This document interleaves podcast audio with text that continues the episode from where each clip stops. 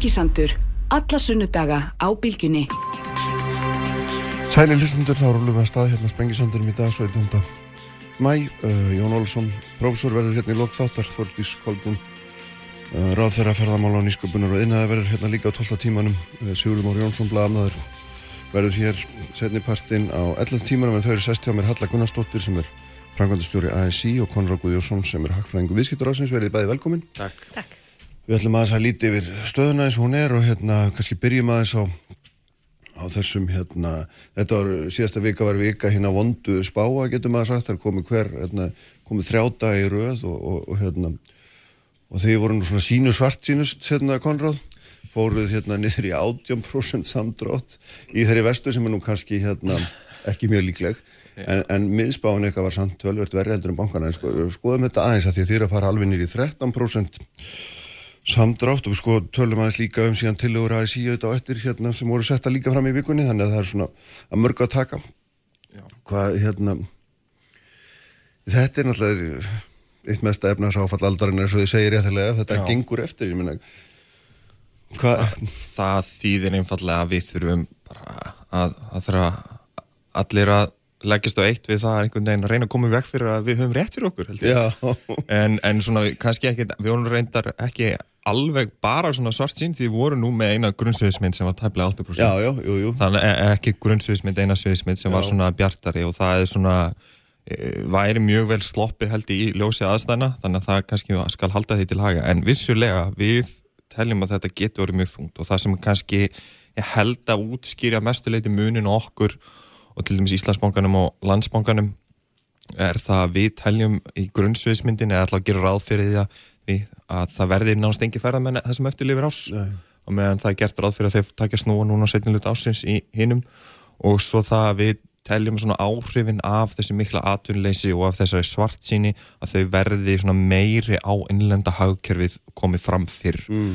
uh, aftur það er náttúrulega rosalega óvíst en það er svona náttúrulega merkilegt að í ljósi þessar óvísi sé bæði Íslandsbanki, Landsbankin og fjármálraðandi allir með 9% samdrátt Mér finnst það eiginlega bara hálf spauðilegt svona í ljósi þess að það hefur líklega aldrei verið jafn mikil óvisa um þróun efnahagsmála eins og akkurat núna. Já, að menn En- skuli allir detta niður á sömu töluna. það er, það er alveg stór merkilegt og hérna ég held nú samt að það hljótir um bara að vera tilviljun en það kannski svona, ok, gefur okkur kannski einhverja hugmyndum, þá betri hugmyndum hvert við erum að stefna og það Já. verður þungt, okkur sýnist að við getum farið í aftur næstu áratögu aftur í tíman já, í verðmættisköpunum mann, þannig að Já. þetta er uh, gríðalegt högg. Já því hafið svolítið svarað þessu Halla hjá ASI með því að fara aðeins aðra leið gefa ekki út svartinarspá, heldur að reyna að horfa aðeins inn í, inn í framtíðina og finna út hvernig svona hvaða leið við um að fara til þess að hérna, reysa landi og miðin við.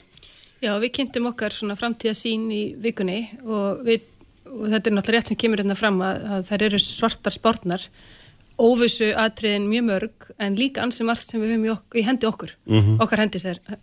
Og það er kannski það sem við erum svona einblín á, það er hvað við getum gert til að uh, milda áhrifin af þessu áfalli og uh, tryggja að kreppan verði ekki skadleri og langvinnar en hún þarf að vera. Og það er enda svolítið áhugavert þegar maður horfir svona til uh, hinnar alþjóðlegu umræðu að þá eru aðlar eins og alþjóða uh, vinnumálastofnunin, alþjóða verkefælisreifingin og alþjóða gjaldirisjóðurinn mm. að tala einni röttu um það að atvinnusköpun sé rétt að leiðin út úr kreppunni. Já. Og þetta sé svona nokkur atrið sem þarf að huga að. Það er í fyrsta leiði, já það þarf að hjálpa fyrirtækjum en það þarf að taka kvittin fyrir því. mm -hmm. Það þarf að skrá í bókina hvaða aðstöðu verða að veita og hvernig ætlum við að, hérna, uh, að halda svona bókald yfir það, uh, hvaða almanna fjármunni við erum að setja út í hagkerfið og hvernig.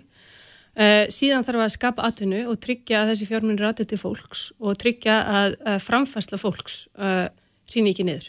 Og það er kannski stóra máli hérna þegar við uh, sem hefur reykt okkur mikið á ferðarþjónustu undarfarið, þegar svo mikið fjármagn sem, hérna, sem var í henni bara hverfur í einni Já, já. þá þurfum við að horfa til þess að við séum ekki líka að ógna framfærslu fólks til langs tíma eða draga úr henni -hmm.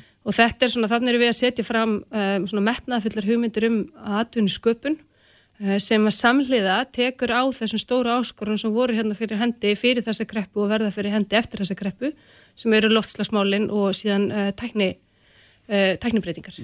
Þannig að það er svona þessi framtíðasín sem við höfum lagt fram uh, núna í vikunni og vonast til bara að það komi allir með okkur í það að vinna eftir henni. Já, ertu búin að kynna þetta konar? Já, ég er búin að kynna mér þetta og ég teki sjálfur sér alveg hérna undir markminni sérstaklega með atvinnusköpunina og ekki gleyma svona þessum stóru áskorunum vegna hérna þó að þessu loslæðismálunum og þessu, ég tek alveg heilsuðurindi það, kemur kannski ekki þetta óvart, ég er ekki alveg sammála En svona, jú. Nei, en það, það eru góði punktar eins og menna, það er hérna áherslu á nýsköpun sem við viðskiptaráði höfum lagt alveg gríðarlega mikla áherslu á og tjáðu okkur mjög lengi og haft svolítið í forgrunni mjög lengi meðal annars. E, það sem kannski mér svona skildi ekki alveg það er hvað þetta er rosalegt magnað aðgerðum og rosalega dýrara því er virðist. Á sama tíma einhvern veginn það verist uh, mjög skýrt að það er ekki byggna einhvern veginn á kostnað neins að, að ég skildi og er ekki forgámsögum það er kannski það sem að hérna svolítið vanta upp á því að sko, veruleikin alltaf sem að blasi við okkur út af því að þessi samdráttur í haggjörn er svona mikill er það að það, það, það byggnar á einhverju því miður. Ég vildi ekki geti sagt að það væri að fara hérna að, að- allir get að það er enginn að fara að byrja að ska- skarða hlut frá borði út úr þessu ástandi allavega tímabundi en það er náttúrulega veruleikin sem stöndur frammi fyrir. Þannig að þess vegna til þessi ennþá meiri áhersla til þess að reyna að þá leggja áherslu á að við forgangsröðum, að ræða forgangsröðuna, að reyna að finna leiðir til þess að örfa uh, nýja atvinnuvegi til þess að fólk fái vinnu á ný svo þau ekki að vera bótum.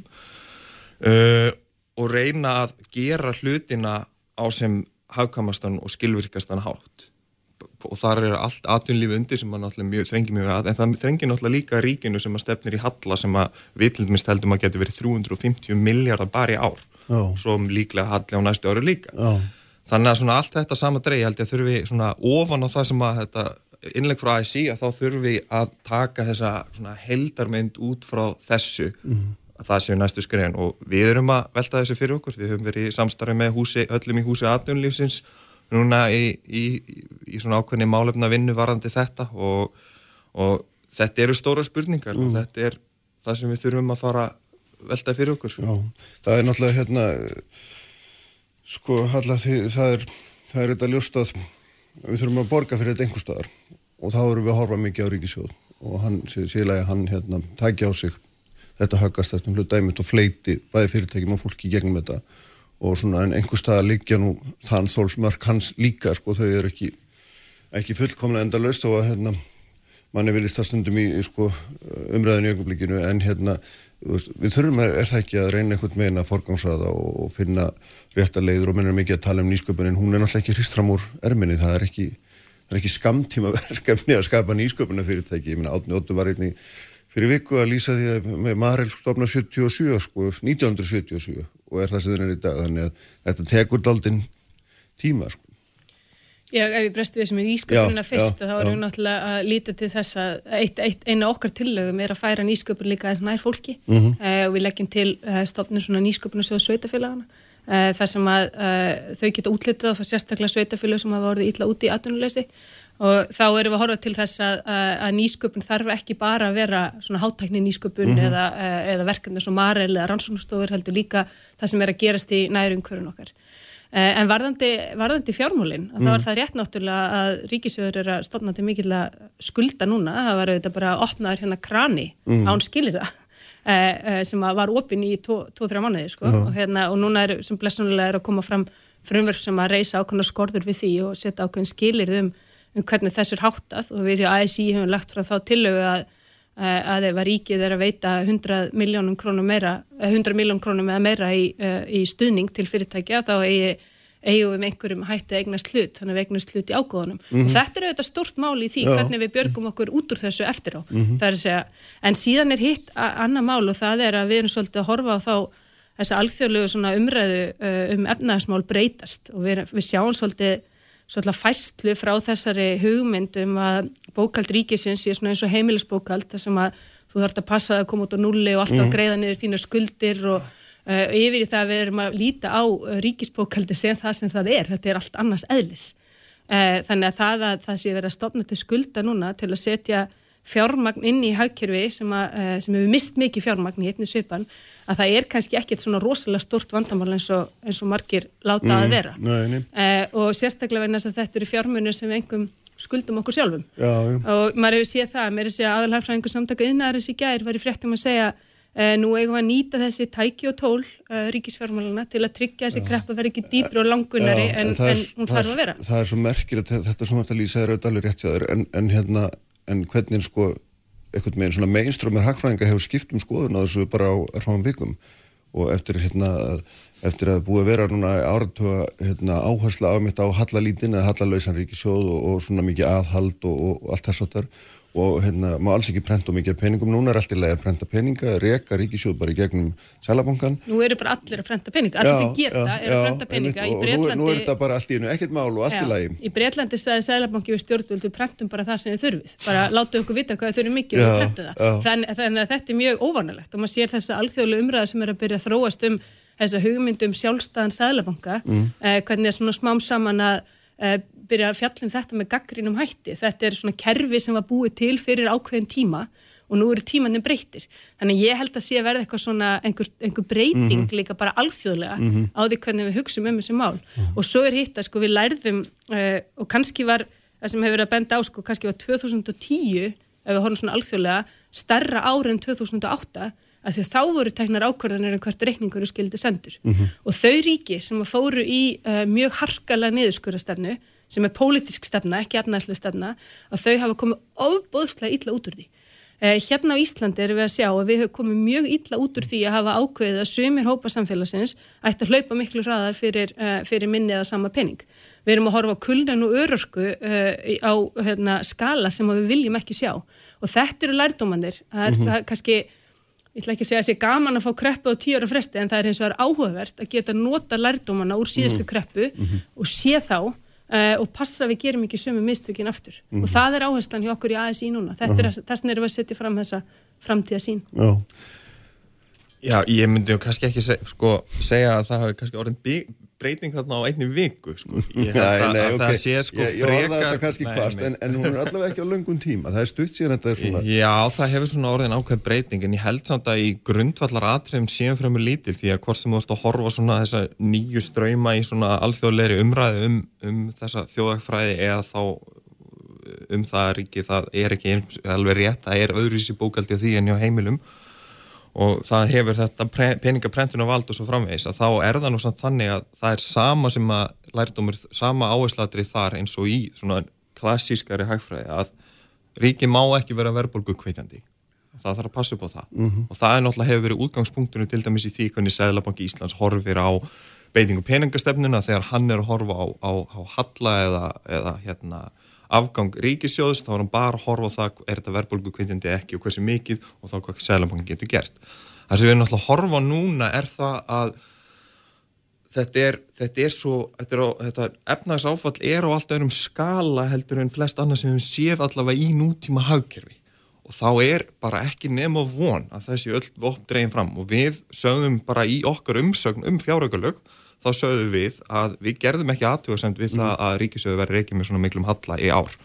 Eh, það er bara, veist, ég tek alveg undir þetta, það er ekki, við, við eigum að nýta þetta sögurum, ég tek undir með hérna hagfræðingi samtaka innan eins og höllu að ég held. En það, við verðum samt að passa okkur að fara ekki á langt í hináttina því að það hefur ekki breyst svo staðarind að ríki getur uh, skapa óhefvægi, það getur hérna, auki verðbólgu með því að prenta peninga og það bara hlýsta þessari grunn hugmynd að þú býrð ekki til eitthvað bara úr engu, engu bara með því ein og sér að prenta peninga og, og beita hinum á þessum aðgerðum. Þannig að við megum svona ekki missa sjónar af því, ég held að þurfi bara kannski aðal atriðum að fara ákveðið svona varlega í þessum, þessum tímum þegar að ríkið er reikið með svona miklum halla og það þurfi að reyna að hérna atvinnusköpun og öll þessi þessar aðgerði sem á að grípa til verða að koma í gegnum þetta því það er ekkit annað fjárströym í landinu Á sko. einhverju leiti, en svo náttúrulega má líka benda á það að meina, þvist, það, það er ekki bara hægt að horfa bara á ríkið uh, meina,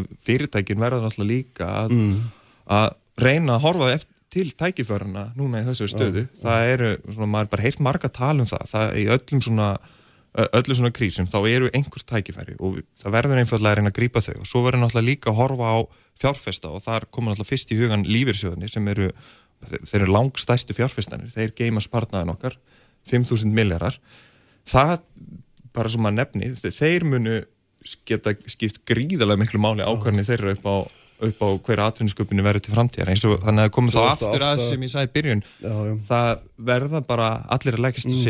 á eitt og, og ja, allavega allir að sinna sínu, Já, sínu hlutverki. 2008 átti líka að nota lífur í söguna hérna, láta þá komi skyndilaust sem var að komi alla elendi peningana sinna heim og menn þakka nú sinu sæla fyrir að það var ekki það, það hérna, var ekki neitt úr því á því- sínum tíma. Já, sem betur fyrir þurfum ekki einu svona hugsun slíkar hugmyndir þegar við erum með svona en, gjaldirisforða en og hérna, mér langar aðeins að sko hérna svona, kannski framaldi þessu sko hérna, halla, það er svona, ég veist það er svona það er svolítið tónn í ykkur í að eða svona blær yfir ykkar sem er ákveðin svona tortrygnisblær í ykkar tilögum gagvart fyrirtækjum. Það er mjög og, og hérna gagvart svona þessum fjárvitningum til þeirra eða lánum eða, eða hérna styrkjum eða hvað við köllum það. Og það og svona það er aldrei stíft eftirlit í kringum þetta allt saman. Og, og maður hefur svona, sko, ég mynda mér að hafa svona gríðalegt eftirlit með þessu og þetta svo samt að gera svona rætt að þá hérna getum við verið að skapa stöðu sem er daldi flókin og Já, svona þið reyndar- treystið ekki fyrirtækjanum alveg til þess að að gera rétta hluti. Hérna þeir eru með svona trúuðu tortryggina að, að, að þeir misnoti stöðu sínum einhverjum hætti. En ég les það svona í heldina út úr ykkar tilögum Já, má kannski segja að þegar uh, þessar aðgerri fóru að stað hérna í byrjun og ASI stutti þær, að þá kannski treystu við fyrirtækinu meira heldur en uh, þau gáttu staðið undir. Og við sjáum það þegar stöndu fyrirtæki sem að greiða arð eina vikuna og setja svo allar hlutabætu næstu vikuna uh, og arðurinn sko hefði geta kofera hlutabætunar í heilt ár, þá, eða kofera laun starfsfólksins í heilt ár, uh, að þá erum við að sjá uh, hvernig þessi, uh, hvernig sum fyrirtæki í okkar samfélag eru tilbúin til að hegða sér.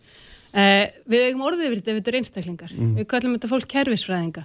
Við segjum með svona niðurlægenda hætti að þetta eru kerfisfræðingar og leita öllu leðin til að ná peningum út úr kerfinu. Og þá eru kannski að tala um fólk sem að, uh, skrimtir, hefur ekki ísu á Uh, en þegar fyrirtæki gerir þetta þá lítum við á þetta sem einhvers konar sjálfbarkavillinni og allir sé að að hámarka sinn gróða. Uh, þannig að við erum með eitthvað líka eitthvað, menning, eitthvað menningarlegt viðþór hérna sem við þurfum líka að snúa við. Það, það kom í ljós að fyrirtækin gátt ekki stað undir þessar ábyrð sum þeirra hafa jú snúi við og skila, skila fjármunum sem þeir þurft ekki á að halda. Uh, og, og minna, það er ágætt en þetta hefðu aldrei átt að taka, þá, taka þessa peninga úr okkar samheilu og sjóðum í upphafi Þannig að ég held að sko, þessar, uh, þessar tillögur sem við leggjum hann fram sem lúta eftirliti með fyrirtækjum, það eru ekki óraunhafar og það er ódýrara að setja fjármunni inn í okkar eftirlitstofnanir. Það er ódýrara að fjármagna eftirlitstátt vinnumálastofnunar og ríkiskattstöra og tryggja að vinnu eftirlitið og samspil þessu vinnustu eftirlit stjættafélagana sé í lægi heldur en að láta þetta ganga uh, sérst, óátalið. En, uh, ég, þessi skilir eru líka bara í samræmi sem alþjóðleira aðlir er að segja og þá vitna ég aftur til Alþjóða gældirisjóðsins og OECD, það hefur verið að segja passiðu upp á að taka kvittun. Fylgist þið með því hvert þessi fjárminnir eru að fara, en þess að þeir eiga ekki bara að hverfa í hítin að fái. Og við sjáum það að frá síðustu kreppu, uh, við lítum á heimsvísu og það uh, sama við hérna á Íslandi, að henni ríku hafa orðið ríkari. Og núna ætlum við að stoppa það. Við ætlum ekki að láta þessa kreppu verða til þess að hlaða frekar undir 1% eða 10%. Þannig að þetta er í raun og veru snarpolítisk yfirlýsingum hérna, breytt samfélag sem þið er að gefa út. Já, má segja það. Ég meina, við, við köllum þetta réttu leiðina frá kreppu Já. til lífsgæða og öryggis fyrir okkur öll. Og ef við ætlum að komast til lífsgæða og öryggis fyrir okkur öll þá þurfum við að snúa ákveðnum hlutum við í samfélaginu. Og við viljum ekki að þessi kreppa verði til að auka ójöfnu heldur frekar til að draga úr honum. Þannig að við stefnum að þessu sem við viljum, jöfnur og sjálfbarni. Já, Sko, varðandi, þessum, hana, við erum að tala um þessa frægu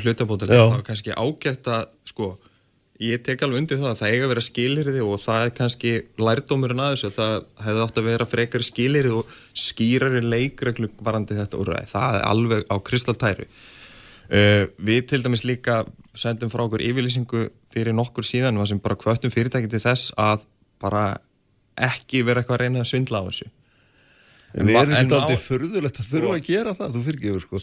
það er, jú það kannski kann að vera en menna alveg eins og meðal fyrirtæki og bara meðal fólks þá er Þannig að fólk vera konar verðum við ekki bara að treysta því að meina, fólk sem er reyku fyrirtæki og hefur að Jú, og ég, ég, ég trúi því að lang hafið flest dómgrinn Já, sko. ég trúi líka því að lang flest fyrirtæki hafi nýtt sér þetta og raunverulega haft þörf á. En það er samt svolítið sko, gleymi svolítið umræðinni sko, held ég hvert þessi peningar fara, viðstu að vera að tala um hvert peningarnir fara, mm. allir peningarnir hlutabóta að leiðinni, hver einasta króna fer til starfsfólksins ekki til fyrirtækjana, það er ágætt að muna það. Og það er ágætt líka að muna að það félagsmálar á þeirra hann beinlýnis hvati fyrirtæki til þess að nýta þetta. Mm -hmm. alveg óháð því uh, sko, bara óháð öllu það bara hvati fyrirtæki til að nýta þetta og ekki sagt meir það var í frett á hérna sem byrtist í morgumblæðinu en er ekkert, er ekkert viðhór til sem segir bara þetta, þetta er ekki fyrir okkur, við, við erum Þa, það vel það er, svo, það er, það er lærdómi hjá litlum fyrirtækjum. Ég er búin að hitta sko, ég er búin að hitta einhverja litla bókaútgefundur sko í ángist þeir segja þetta er alltaf læg núna, ég veit ekki hvernig það verður í næsta mánuði.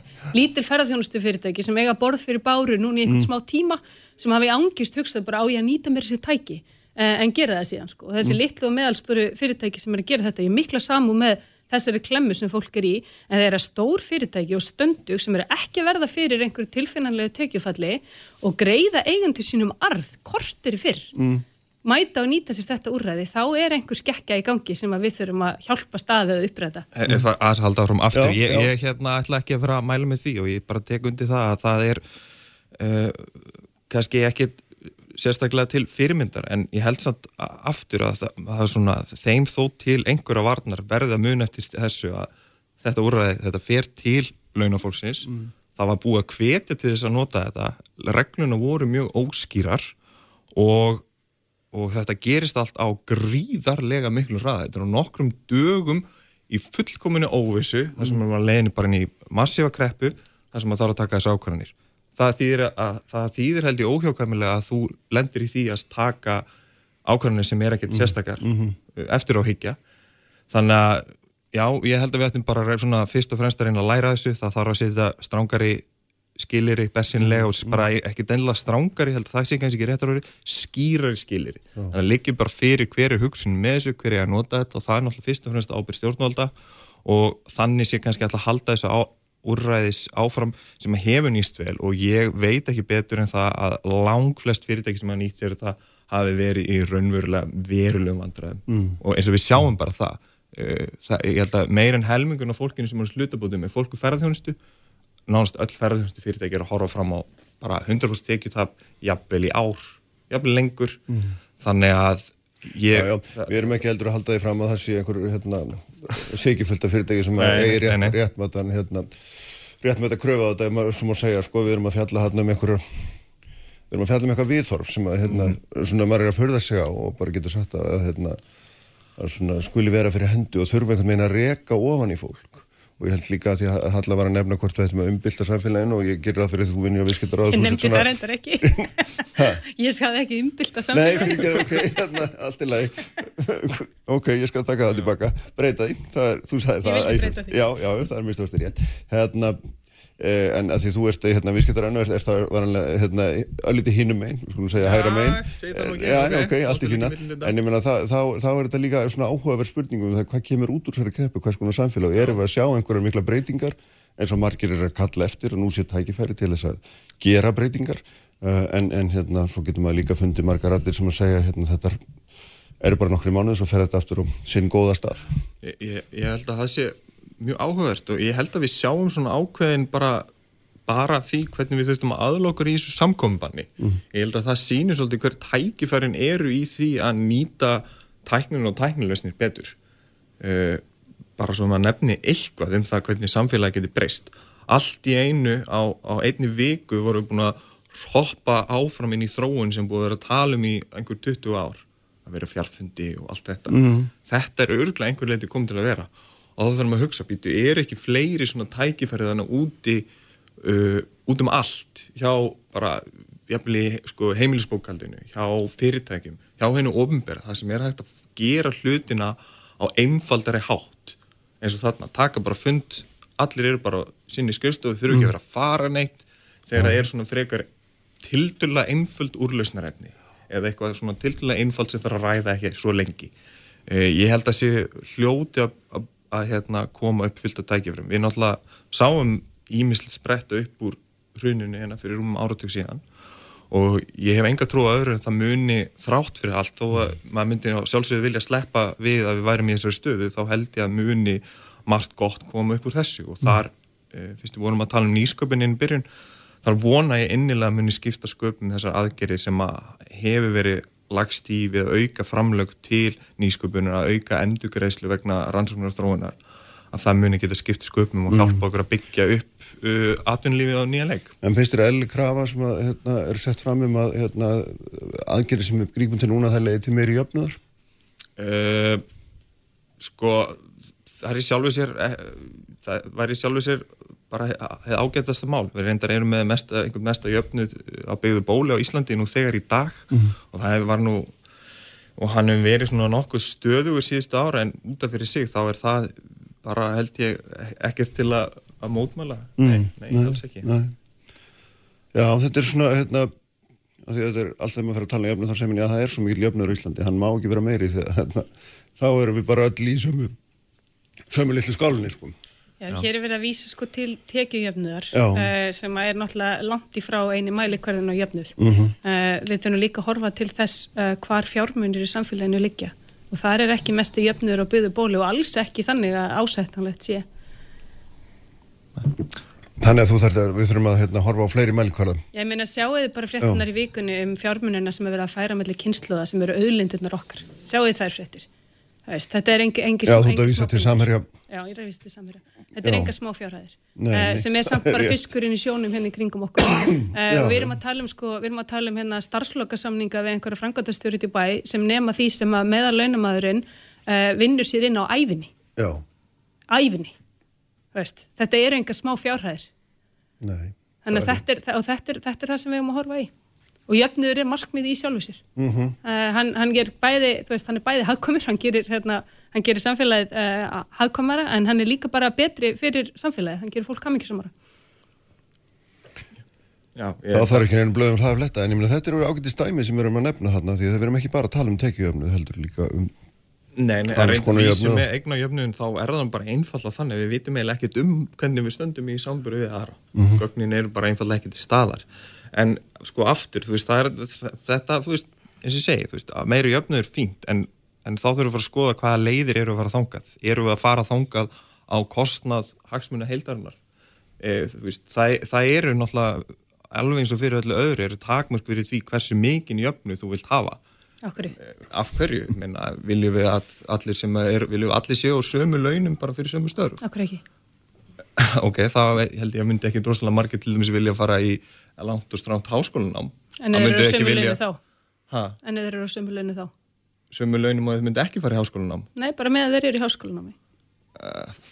já, ég er ekki svo viss um það. Ég er ekki líka viss um það að, að fólk myndi vera að reyna að sækjast eftir til hérna, framgangsendilega í starfi eða fær ekki umbun fyrir það í raun og svo framvegis og framvegis. Og þeir sem að, að þeir sem eru að vinna á fullu með einhverju sérfræði þekkingu fái það sama og svo sem að er kannski þetta er, En sko, er, ekki gera þetta, er, neitt. þetta er rosalega áhugavert vegna þess líka sérstaklega núna því að við erum að, við erum að hérna, það sem við erum að kannski að gangi gegnum er, er ákveðin breyting frá því að leggja bara fjárhastlegt mat á umbun.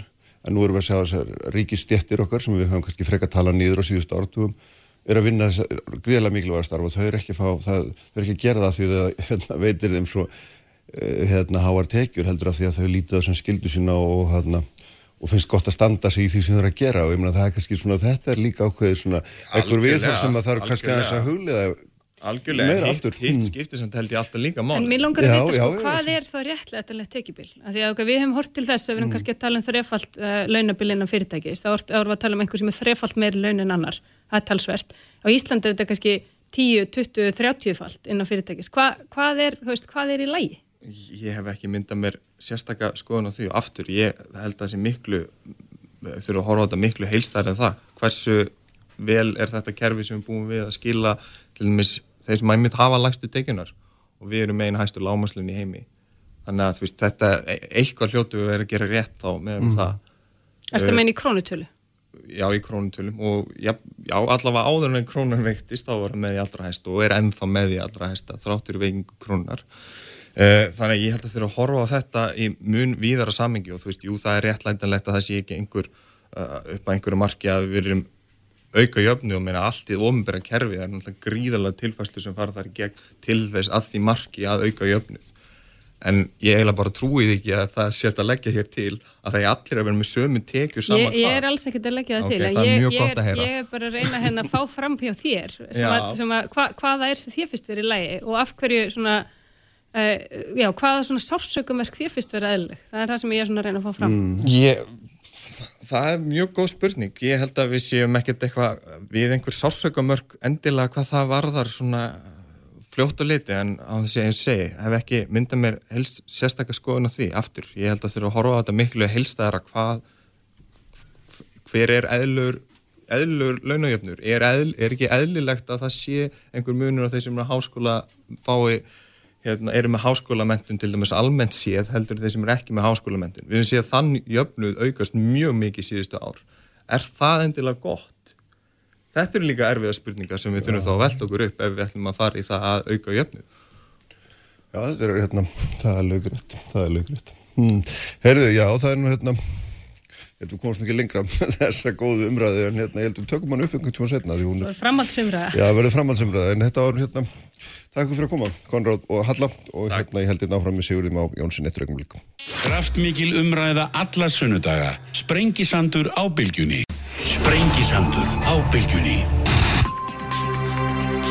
Sæli hlustendur aftur, þau eru farin frá mér Halla Gunnarsdóttir og Konráð Guðjónsson eh, eftir líflegar umræður um grundu allar aðriði lífsins launamun og, hérna, og flarmargt fleira e, sem að tengist með þessum síðustu og vestu tímu sem að segja við ætla að hérna, fara aðeins aftur og baki tíma núna því að Sigur Mári Jónsson bladamæður, ritthöndur, sestur hjá mér, velkomin Takk að þið fyrir. Þú varst að hérna, senda frá þið bók um, um uh, afnám fjármagshafta undir nafninu Samningur aldarinnar. Uh, Samningar Samningar aldarinnar, já, fyrir ekki og hérna hefur nú svona aður skrifa bók sem að, um æsef sem að hérna aflikur aldarinnar mm. ef ég hérna Æmann rétt, þannig að þetta er hérna Já, við blaðmenn viljum taka Já, taka hrauslega til orðs Já, hérna, förum aðeins yfir þú ert að kortleika hérna á hverju tímabíl og þessa baráttu við hérna svo kvöldu kröfuhafa sem sátu hér allt umkring á, á laungu árabíli Já, ég er að reyna að fara yfir þetta tímabíli þar sem að við vorum í svona þessu ástandi að hér ríktu fjármashöft og, og þjóðfélag var svolítið mótað af því og þessi það sem mér fannst kannski forðilegt var að, að, að rína í þetta svona er eh, aðferðafræði og hvernig við þetta menn nálgust úrlust þessa mál sem var að mörguleiti einstakt. Mm -hmm. og það kannski vakti líka fyrir mín að það hefur kannski ekkert verið svo mikið fjallað um þetta. E, sko svona í, í, samhenginu eftir á Nei, mynd, og, og líka í raun og veru á meðan á ástandunum stóð þá munum við svo mikið eftir að væri fjallað um kröfuhafan og þá gríðalögu hagsmunabaráttu sem þeir ráku hér inn í samfélaginu. Ég er ekki vissum að allir hafi átt að segja á því, mm. menn var ekki vissu af þessu, en í samhenginu menn, áttuðu menn sig ekki á því. Ég man eftir því þegar ég kem inn í fórsættisræðunetti og tek þarfi starfið sem upplýsingavöldrúi og við ætlum að leita þjónustu almanatengslega skrifstofu, þá mm. var ég var við það að flestar af þessar skrifstofu voru með einum öðrum hætti að þjónusta kröfuhafa. Mm -hmm. Þannig að þetta var svolítið bara þröngt fyrir okkur. Man var varfið strax að það var gríðalegt afl í þeirra starfi bæði heim og ellendis og það, þetta var manni eftirminnilegt og síðan náttúrulega... Og þegar við erum að tala um kröfa þá erum við að tala um þá sem áttu skuldabrefin í, í böngunum, ekki satt? Jú, sem hafðu eignast uh, kröfur á bókana og áttu þess að slítabúin. Já, uh, það hefði keipt á einhver staðra leðinni og, já, hérna, já, og það er kannski eitt ein, þáttur í eins og þetta, að, að, þetta ferli allt var ekkert mjög gagsætt, mm. menn men, í raun og veru, jú, einstakar blaðmenn voru að reyna að berjast við að kortleggja þetta eitthvað og segja þessu fréttir en maður var ekki varfið að, að það var á neinu svona miðlagum stað verið að taka þetta saman eða fylgjast með þessu Nei. en auðvitað fannst manni svona líka að þessi saga ætti, ætti svolítið skilja að, að vera tekið saman og svo niðurstað sem að er líka okkur gríðarlega mikilvæg í dag mm. þegar við erum að takast á við eh, faraldur og kreppu að þá munar um þá 600 miljardar sem að koma inn í ríkisjóðu og, og, og gjör breyttu stöðunni mm -hmm. á móti, maður velta við sér ef við höfum farið aðra leið hvort við höfum þá bara komið í mínus út úr því það er erfitt að, erfitt að greina það mm -hmm. þannig að þar sem við stöndum í dag er, er þetta mjög mikilvægt og, og það er kannski fróðlegt að, að við erum ekki enn alveg búin að sjá nákvæmlega hvernig þessar tölur eru ég vil eins og til að ég er að fara á fund hjá stjórnskipunum eftirlits nefnd alþingis í fyrramáli. Oh. Það sem hefur verið ræða skýslu Lindakóls sem likur fyrir mm -hmm. og ég fæ ekki betur síðan að hún drægi fram að það eru enn herri framlöð sem komi inn í gegnum stöðleika framlöðin. Lindarkóll var eignaldsfélag Sælabankans, ekki? Um, og, og, og fjármáraðs sem að var að halda utanum þessa eignir og, og, og, og koma þeim í verð. Já, Þannig að, og það hefur verið svona smá leindarhjúpur um þá starfsemi, ég var vegna bókarinnar, vildi ég gætna fá upplýsingar um það, en, en fekk ekki það sem ég vildi, en allavega, þetta er til umræðu í, í sölum þings á morgun og ég, eins og ég segi, ég sé ekki betur að það sé að koma meiri fjármunir inn en kannski menn höfðu haldið. -hmm. En allt þetta ferli er, ég segi, mér, mér fannst náttúrulega og, og það kannski, þetta teikist nú svolítið þeirri sögu sem ég var líka að rekja í fyrirbókminu um, um ISF samningana alltaf vangaveltur um hvernig staðir að málum aðferðafræði og, og svona þessa nær sögu mm. uh, ég sé, ég sé einn hefbunda sagfræði, hún hefur horfið á, á, á vit sko örsögunar og einsögunar og hún, hún hefur, hefur haft mikið að gera við það mm. en, en kannski við í bladamennskun erum fást við þessa nærsögu já, en er sko hérna þetta er náttúrulega svona mér stóðstu öðrum þræði er þetta einmitt eins og að lýsa þarna verið að reyna að draga fram þessa baktjelda sögu þar sem að kannski jú, voru skrifaður um einhverja fréttur um að vissi svo sem einhver nöfn á einhverju vonasjóðum og, og vissi að það átt að vera hópara fólki í labbandum að hérna millistofnana að reyna að hérna halda fram sínum hagsmunum. En það er alveg rétt að þetta var svona þetta var náttúrulega ekkit, fór ekkit sérstaklega hátt.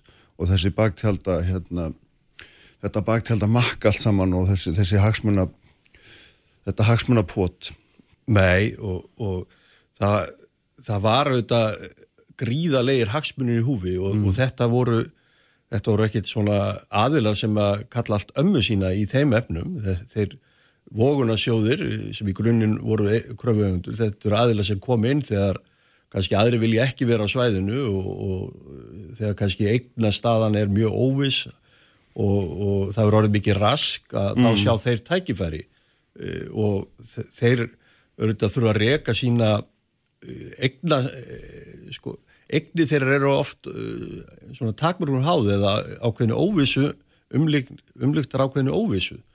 Þannig að það þarf stundum að, að það er að halda mjög á eins og kemur fram að við erum náttúrulega um að takast á við það með hvað hætti á fástuða um tímabil, á tímabili vildum menn horfa til gjaldrótaleðarinnar mm. til þess að smala peningunum bara inn í við hefbundi Íslands þrótabú og rekaða þannig út.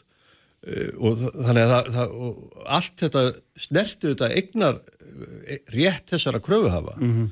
þannig að það má líka segja að það varði þetta að taka tillit til þess líka, Vi, við gáttum ekkert hunsa það þeir höfðu kipt þessar kröfur á markaði sem að var samþyktur þó að var ekki þektur Já, einmitt og það var að gera... Það var einhverjur neðanjarða markaður sem enginn kunni neitt inn á Já, já hann, var, hann var sko ekki gegnsær, það, það var alveg ljóst, en, en hann var samt uh, viðukendur og, og menn hafðu örðu uh, sér út um egnaritt í kringu þetta og alþjóðastofnanir, það er auðvitað að fylgjast með þessu líka, þær, þær vilja ekki að verði skila milli, við, við örðum að vera í nánu samstarfi við alþjóðagjaldirisjóðin um þessa úrvinnslu mm, þessara mm, mála. mm og, og aðrar alþjóðstofnir þannig að þetta var svona að vera það var að vera lögmæti fyrir aðgerðunum mm. en leið þá varð líka að halda á hagsmunum Íslands af, af fullir hörku og berjast fyrir því að bæði að skilgrein og afmarka hvað þarfir íslensk hagkerfis voru. Það var kannski framanna var það svona eitt, eitt leikilþátturinn, það Já. var bara að skilgreina hvað þarfir og hvað var hægt að gera innan íslenska hagjur, við gáttum bara hreinlega ekki leift þessum peningum að synda í burtu eins og ekkit væri. Mm -hmm. En er svona, myndi það vera því nýðustöð að hérna að, að því maður hefur að gerðnan sko þegar að eitthvað svona fer látt og þá myndast líka um það mikla sögur og hérna að, að þetta hefði verið mjög óbylgjarnir kröfuhafar og þeir hafi haft það mitt á sínum snærum hérna mjög um svona marga ákáða talsmenn og, og hérna á spennanum bara getur við sagt að því að svo þegar maður er að fyrir að skoða þetta þá hérna kristallast það stundum niður í einhvert fréttabrif sem Einar Karl Haraldsson á að hafa skrifað og þarna sem að mann finnst nú ekki vera svona beilinnisnin föðlandsvík sko að það er svona hérna það er eftir átt að segja því hvað er nákvæmlega rétt og hvað er rámt Já, neini, það er nú bara svona vísbendingar um þá umröðu mm. en allavega þeir keftu þessa þjónustu mm. og uh, söpt, uh, það er náttúrulega öll gott líka ekki fyrir um það en þannig að þeir voru þetta mjög víða að, að kaupa aðstóðu þjónustýr inn í þessu samfélagi mm. og ekkert við því að segja ég, ég ætla, ég ætla ekki að sittast í dómarasæti við því, ég, ég er svona bara að reyna að segja söguna eins og hún byrtist Mhm. ég, en ég held að menn hafi ekki átt að segja á hins vegar hvað þetta var umfánsmikið Mhm. og auðvitað við, vissu þeir að mörk voru þeir að reyna að ná einhverju kverkataki á stjórnmálamannum í Íslandi fyrst og fremst eða hvað? Ég, ég held að þeir hafi fyrst og fremst vilja hafa aðgengi að þeim. Mhm. og það var kannski það sem var lag, mikil áhersla á þegar ríkistjónum 2013 tekur við að hleypa þeim ekki að. Að halda þeim fjarrri og, og þeir lýsaði þannig að, að það hefði tekið svona við svartól þar sem þeir vissi ekkert við hvernig þeir áttu að tala eða hvað þeir gáttu gert. Já. Því þeir vilja, auðvitað er tíminn mikilvægur líka fyrir þá. Já, þeir vilja fá aðganga peningunum sínum. Já, Þannig að þetta verður auðvitað ákveðin eh, svona refskák, það þarf að, að, þarf að gefa þeim möguleika á að finna einhverja laust en um leið að varveit og halda auðvitað um hagsmunni Íslands hagkerfis Já. sem að auðvitað snýrist um það. Það var ekki hægt að hleypa þessum peningum öllum út. Nei, nei, Eh, nei, nei, eða ekki. Hérna, og það er svo sem hérna, og það er auðvitað eitt af því sem er hægt að fara honi en, en sko, til dæmis hérna, þín ágætið maður sem þetta Davíð, hann hefur nú haldið fram að hérna, hafi verið borðnir á sem útur í þessu samengi, hefur aldrei viljað upplýsa um það hver á að hafa staðið þeirra baki. Já, þú upplýsir ekki um það í þessari bók allavega að þú hafið við hann mörg viðtölum þetta. Já sko, það, það er hann var nú kannski að útskýra það bara betur sjálfur Já, sko. já, já, en, en, en, En það jú, ég, held að, að hann hafi nú gert það í einhverju tilvíkum þannig að, að Já, ég hef aldrei sagt neitt, ekki, en ekki Nei, nákvæmlega ég, en það sko í þessum máli skiptir mm. alltaf orðalagi máli sko. Mm. hva, hvar nákvæmlega byrjar og endar samtalið Já, en já, já ég, í þessu, það, það verður ekki ofsagt hver miklu hagsmunni voru, Mm. voru þetta í húfi og þetta, við, við sjáum það líka á rekstur í síðan slitabúana að það eru gríðarlegar upphæðir sem er, er, fara á milli mm. þeir sem eru að reka það, hafa haft mikla tekjur í mjög langan tíma. En, en auðvitað kannski aðalatrið auðvitað fyrir Íslands samfélag það var að, að ná að gera þetta og finna aðferðafræðin og ég held að það hafi verið mjög mikilvægt og, og þetta var ekki þetta var ekki sko vegur sem var þekktu fyrir, það var það að leggja hann svolítið í jafnóðum. Og það var það svona að samstilla sjónamið, einhver vildi kannski taka ennharðar á þessu, það var það beita svona bæði jákvæðum og neikvæðum kvötum til þess að fá niðurstöðu. Bæði kilv og gulrót eins og frækt varð. Já, já, Já. og ég held að það var mjög mikilvægt líka að ljúka þessu á þessum tíma. Það var það maður veltaði fyrir sig hvort við hefum geta gert þetta ef það hefði liðið eitt, tvö ári viðbót. Mhm. því þá voru kannski tölundar við vorum svolítið að beita svona force major ákvæðum sína fram að við yrðum að gera þetta til þess að geta losað um samfélagi Já. og, og, gjaldir í staða og, og, og rekstu þjóðabúsins var, ta var að taka miklu breytingum Mm. þarna 2016 17 er, er, já, til betri það- vegar þannig að þá hefðu okkar rökum ekkert ástand ekki haldið lengur það, það er kannski verið erfiðara Já. skulum við segja, en, en á móti var að kröfuhafarnir hafðu líka mikil vilja og áhuga að komast sem fyrst og fá aðgengi að fjármunum sínum. Já, hann, hérna, Heiðar Guðjónsson, hérna, eigandi og fórstjóri hér, hann uh, skrifaði nú margar góða greinir um þetta og mér finnst það svona alltaf áhugavert það sem hann var að nefna að, að sko, í grunninn var þetta þannig að þessi sjóðir eru bara tímabundi sjóðir, þeir eru kannski bara til fimm ára. Og meðan þú gefur þeim ekki færi á að fara út, þá verða því að örvendingafullri verða þeir vegna þess að annars brenna þeir inni með fjárstingun og get ekki skilað henni þangað sem hún á að fara og það er vist eitur í þeirra beinum.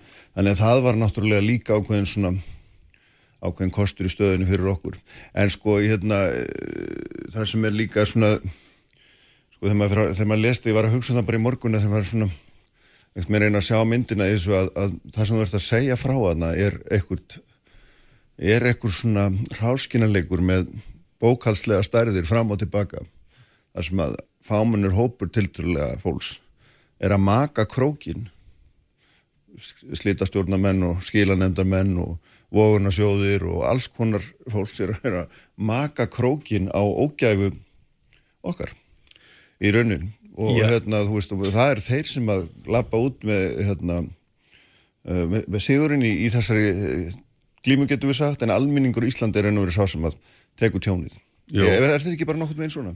Já, eh, við getum líka Já, heildarmyndin. við getum líka kannski snúið þetta fóru þeir sem að hafðu lána banko, bönkunum Jú, upphafið þeir Upphafið. náttúrulega miklu og, og síðan getum við líka sagt að almenningur á Íslandi njóti þess þá að stöðuleika framlögin voru mjög ríkulega þau upp að staði.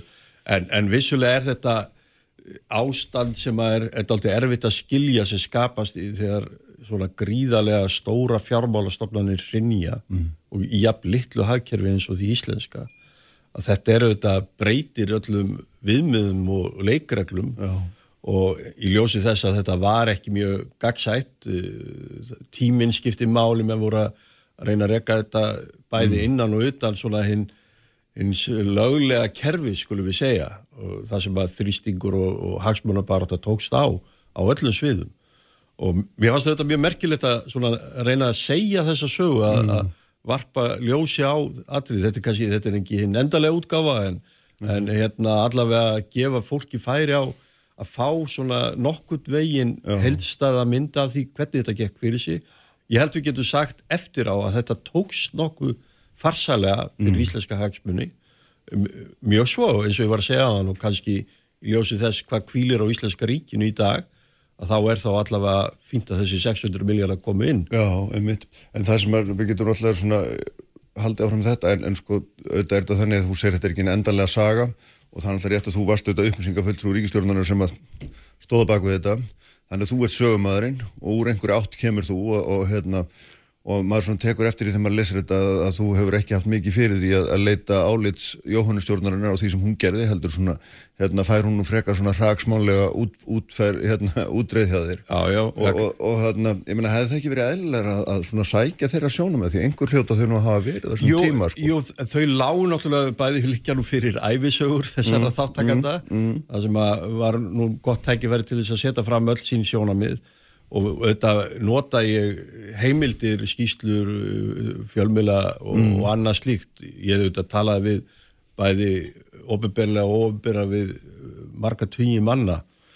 Þannig að uh, það er auðvitað alltaf e- eitthvað mat sem liggur fyrir sko. Nákvæmlega ég sendi tölupósta og, og, og baðst, bað eftir upplýsingum bæði hér innanlands og ellendis og fekk svar við sömu. Þannig að auðvitað, sko, bókin er auðvitað bara laðið frá sem vitninsbundur um þá heimildaföflun og þá sögu sem þar er. Það er alltaf þannig að það er hægt að tala við ykkur fleiri eða ykkur í viðbúnd og uh, það, það er en einhver það- spurning er um balans og, og þess að Já, já, já, en, en, en uh, að- þá segi, þá segir við kannski en, en kannski bara heimildirna tali líka sínu máli, þær eru þarna og eins og ég sagði við æfisögu margra að þessar þáttakandi eru þegar komnar út. Já. Og hérna, og þær eru þá hljóta að vera bestu heimildir. Æfisaga Jóhannu Sigurðardóttur hlýtur að vera besta heimild sem þú getur fengið um hennar þátt í þessu máli. Mm. þannig að, að, að það, það liggur fyrir þegar mikið af gögnum. En auðvitað er það alltaf matskend og, og við höfum eftir að fá kannski frekari upplýsingar og frekari skrifið að mat. Ég, ég myndi auðvitað fagna því að, að menn myndu velta fyrir sér betur einstaklega þáttum í allir þessari atbyrðarás og, og skýra það út Já. hvað augum þeir sjá þegar ég er, ég er bara að skrifa bók og, og reyna að varpa ljósi á það Já, þetta er ekki, eins og, þetta hérna, ekki ég held við hefum áður rætt að auðvitað er alltaf einhver sögumadur og sögumadurinn hefur sitt sjónarhótt nýtt satt. jú, það er bara það sem fylgir öllum Já. sem að eh, taka að sér að, að gera, að skrifa eða fjallum einhvern hlut, mm. við erum öll sögumenn sko og, og, það, en það verður auðvitað að metast bara hver, hver trúverðulegar trúverðulegar frásögnin Mm. og, og þarfhjöndu göttunum en, en í það minnsta ég held að að á þessu tíumbúti og það var það sem ég fjall svolítið fyrir að fá tækifæri til þess að skrifa svona heilstaða í, innan tíma rammans frásögnum þetta að því að ég varð var við að bara fjöldi fólks hafði ekki insýn inn í þetta og, og þetta getur maður líka velti fyrir sér akkur hefur ekki verið meira sagt frá þessu Já. Akkur hefur ekki verið meira skrifað um hvernig tiltókst aðferðafræðina sem að menn ellendis hafa fylgst með af áhuga allavega þannig að, að það er þetta eitt sem að vekur, vekur svona áhuga manns Mm, já. Heyrðum, ég held við látum þetta gott heitt í bili. Takk fyrir að koma. og takk. þarna, þetta var hér frálegast og þarna, hvert fólk til að lesa bókina, hún er hérna, hvað sem manni finnst nú um bóskapin, þá er hún vel skrifuð og skemmtileg. Takk fyrir það Og hérna, ég ætla að halda áfram eitt regnablík, Þórtís Kolbrún verður hérna hjá mér. Sprengisandur á bylgjunni Sprengisandur á bylgjunni alla sunnundasmórna.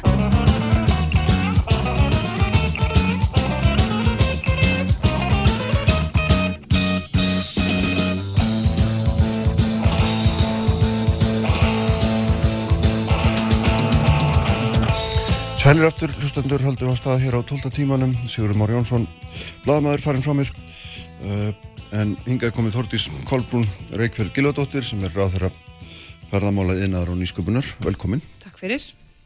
Uh, mér langar að, svona aðeins að fara með þér hingað og þangað, en byrjum aðeins á hérna þessum tíundum um að 15. júni ætlum við að fara að opna landið aðeins Já. og þarna þá verður sótt kvíar reglum breytt, þannig að fólk þarf ekki að fara í, eða getur valið um að fara í, hérna, sótkví eða, eða láta gera á sér, eða láta skima sig. Uh, þannig að það er svona einhver breyting en hva, hvernig, svona, hvernig sjáu þetta fyrir ykkur þróast, af því að þetta eru svona var, við varfæri skrefi upphafi en, en hvað, hvað svona, hvernig sjáu þetta fyrir ykkur? Já, það er rétt, þetta eru varfærin skref en, en þau eru í rauninni samt svona mjög stór, ég, meni, ég held að þetta hefur verið svona dagsetning sem var svona fyrr heldur en margir hefðu haldið.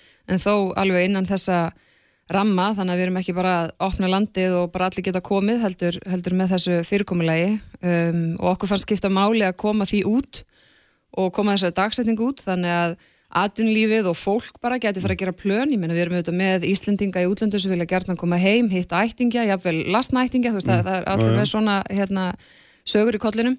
Þannig að okkur fannst skipta máli að koma dagsningun út, það er auðvitað rosa, rosalega mikil vinna sem að í raun á eftir að vinna. Og, og hérna þessar hugmyndur um að skima eh, mannskapin sem kemur það þarf að finna út úr því hvernig það er best gert um, hvað það kann að kosta uh, hvernig á að skipta þeirri greiðslu hver á að bera þann kostnað.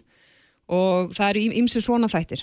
Svo auðvitað verður bara komið ljós ef að við til að mynda erum að skima þúsund, 1500 manns og það er kannski einn sem er jákvæður, þá Já. náttúrulega stendum að frammi fyrir þeirri spurningu, heyrðu, er það, er það réttlætarlegt að fara í allan hennan kostnað Mhm. uh, á meðan að við getum alveg sagt að við höfum alveg heilbreyðskerfi sem ræður við eitt og eitt smitt vegna þess að við, eins og við höfum margótt sagt að þá, þá snýst verkefni svolítið um að finna leiðir til þess einfallega að lifa með þessari veiru. Hún er ekki að fara þannig að við getum ekki, ég meina við munum þurfa að opna og það er alltaf áhætt að opna hvort sem það væri gert núna eða eftir þrjá mánuði eftir ár.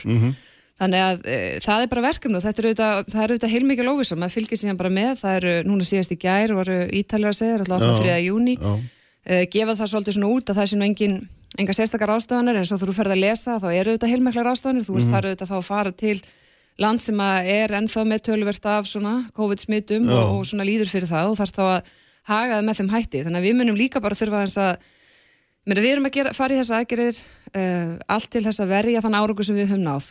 Og við erum áfram að fylgja því að við séum að hugsa fyrst og fremst um heilbriði þjóðar. Og við erum öll búin að færa, færa hérna mikla fórnir og við ætlum ekki bara að kasta því hérna glæ og gera bara eitthvað. Þess vegna erum við að gera þetta. Það verður síðan að koma í ljós, ég meina ef að öll önnur ríki eru að opna með einhverju miklu minni tilkostnað heldur en við, hvaða áhrif hefur það á ferðarþjónustuna, verður það þannig að fólk velur það frekar annar land eða kann að skapast ykkur sérstæða þá fyrir Ísland. Þannig að það fólk sem að vill frekar koma, þar sem er örugt, lítið samfélagsmið, traustir innviðir, það er skimað, það getur vel verið að það sé bara í raun nægilegu markaður fyrir okkur þrátt fyrir við sem ekki að fá gestina sem að nenn ekki að standi því. Nei, nei. Uh, og svo sko, þetta þú- verður að hafa flug til þess að Jú, jú, það er nú grundvallaratriði náttúrulega. En hérna, sko, það sem nefnir hérna þetta eina smita 1500 manns er, alltaf, er svona mjög skemmtileg pæling vegna þess að síðan er þetta líka þannig að ef þau eru 5 eða ef þau eru 10 eða ef þau eru 15, skilur Já, já. en hvar eru mörkin, skilur Já, já. hvenar ætla þá bara að segja, heyrðu, já, nei, þetta er ómikið við verðum bara að loka aftur? Ég held að þetta sé bara eitthvað sem við verðum að fikra okkur svolítið áfram með og við erum auðvitað ennþá með okkar besta fólk innan handar, við erum að sjálfsögða að vinna þetta með þeim, ég meina þú veist það er, hérna þá vinnu sem þarf að vinna, það er útfæslu sem þarf að skoða. Það er allt gert áfram bara hérna í þessum hópi og við munum bara áfram gera það, svo getur vel verið að það komi eitthvað upp og þá verðum við bara að taka því sem höndum ber sko, við, við hérna Já, já. eins og segi, það skiptir máli að þú veist vera með eitthvað sín og taka eitthvað markvis skref en vera samt nægilega sko, umjökur til að viðkjanna það, það, það veit auðvitað engin neitt um þessa blessuðu veiru sko. þó við vitum miklu meira núna heldur en við sem þá Já, að vitum við ennþá bara svo ofbóðslega lítið. Já, en þetta er þetta spurning um einhvers konar áhættustýringu. Er hversu mikla áhættu Já. erum við tilbúin að taka og hvenar og það er mat mann að þetta sé ásættalega áhættu mér finnst- þú fínt að nota bara þau orð bara það er enginn að segja þetta sé nei. en þetta er ásættalega áhætta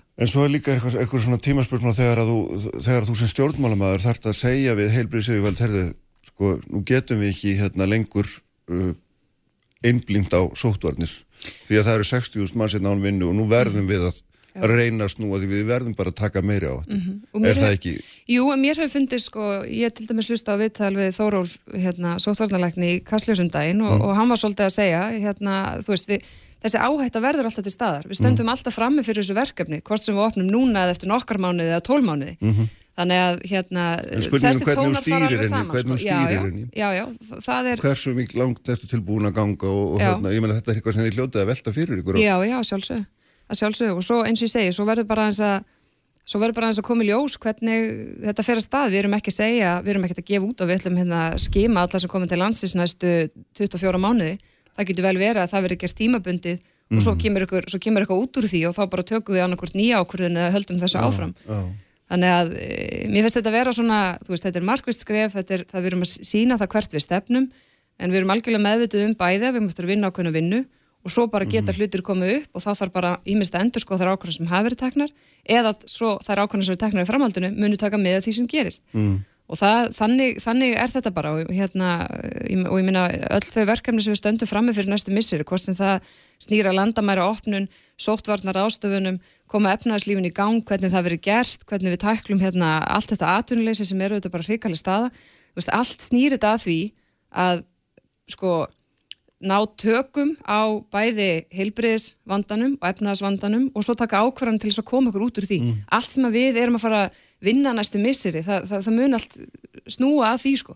Hvort sem að það er síðan mert í einhverjum pökkum eða aðgerðum eða hvað, þá bara er verkefnið þetta að læra að lifa með þessu og svo að, að hérna ná viðspilni. Já, þegar við erum að tala um áhættu þá erum við líka ekki bara að veltaði fyrir okkur hérna, hvernig þetta er hér, við erum líka að tala um önnur svæði og, og þau svæði þaðan sem við viljum fá fólk og, þetta, Já. og áhættu er náttúrulega mjög mismikil, ég hugsa að við myndum ekki vilja til dæmis að hinga streymdu norður ítalir í stórum stílu augnablikinu, ég held að það var ekki spennandi, en það var heldur ekki spennandi að hópa andrækjum, en þar sem við veitum nákvæmlega ekki neitt um hversu umfangsmikið samfélagsmitið er.